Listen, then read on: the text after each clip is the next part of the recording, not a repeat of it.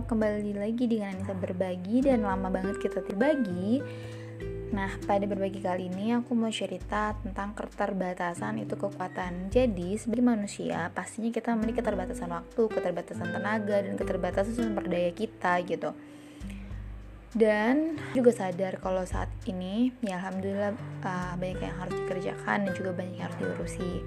Tapi dengan kesadaran itu dan juga dengan kesadaran kalau kita sebagai manusia banyak banyak terbatasnya itu aku kayak semakin jadi jadi bener ya kayak ketika kita mengenal diri itu kita mengenal Tuhan. Jadi ketika kita itu mengenal diri kita dengan banyaknya keterbatasan diri kita itu kita lebih kayak oh cuma Allah nih yang maha tidak terbatas dan cuma Allah yang punya kekuatan dan untuk memberikan kekuatan pada kita gitu. Jadi di situlah kayak kekuatan doa gitu. Aku yang senantiasa berdoa ya Allah bimbing aku dan uruslah urusan urusan aku gitu. Jadi kayak kita memberikan apa yang uh, minta Allah untuk ngurusin urusan kita. Tapi ya pastinya kita juga gerak gitu. Jadi uh, aku minta ketenangan hati ketenangan pikiran gitu. Jadi dan itu Allah tuh kayak ngirimin orang-orang baik yang membantu aku untuk mewujudkan ya kan uh, visi aku bisa berdampak ya memberikan kebermanfaatan bagi banyak orang. Dan di situ Allah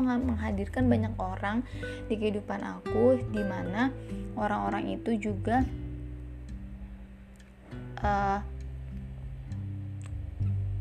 jadi orang itu bisa berdaya lebih berdaya lebih banyak belajar juga dan juga memberikan kebermanfaatan juga pada yang lain kayak gitu.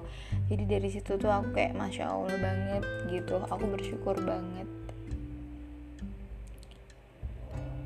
bersyukur banget dan alhamdulillah sih. Maksudnya di situ uh, ini tuh terlatih ketika aku tuh sibuk banget ya.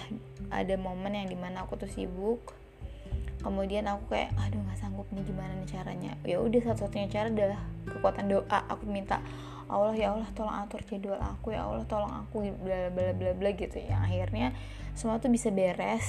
Ya yes, itu semua karena Allah yang atur gitu. Itu sih yang mau aku sharing tentang salah satu cara manajemen time. Dan jangan pros kerat pros apa menunda juga pros karena aduh aku lupa ya mbak.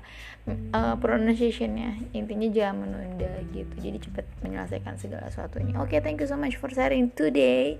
Kembali di Anissa berbagi lainnya. Assalamualaikum warahmatullahi wabarakatuh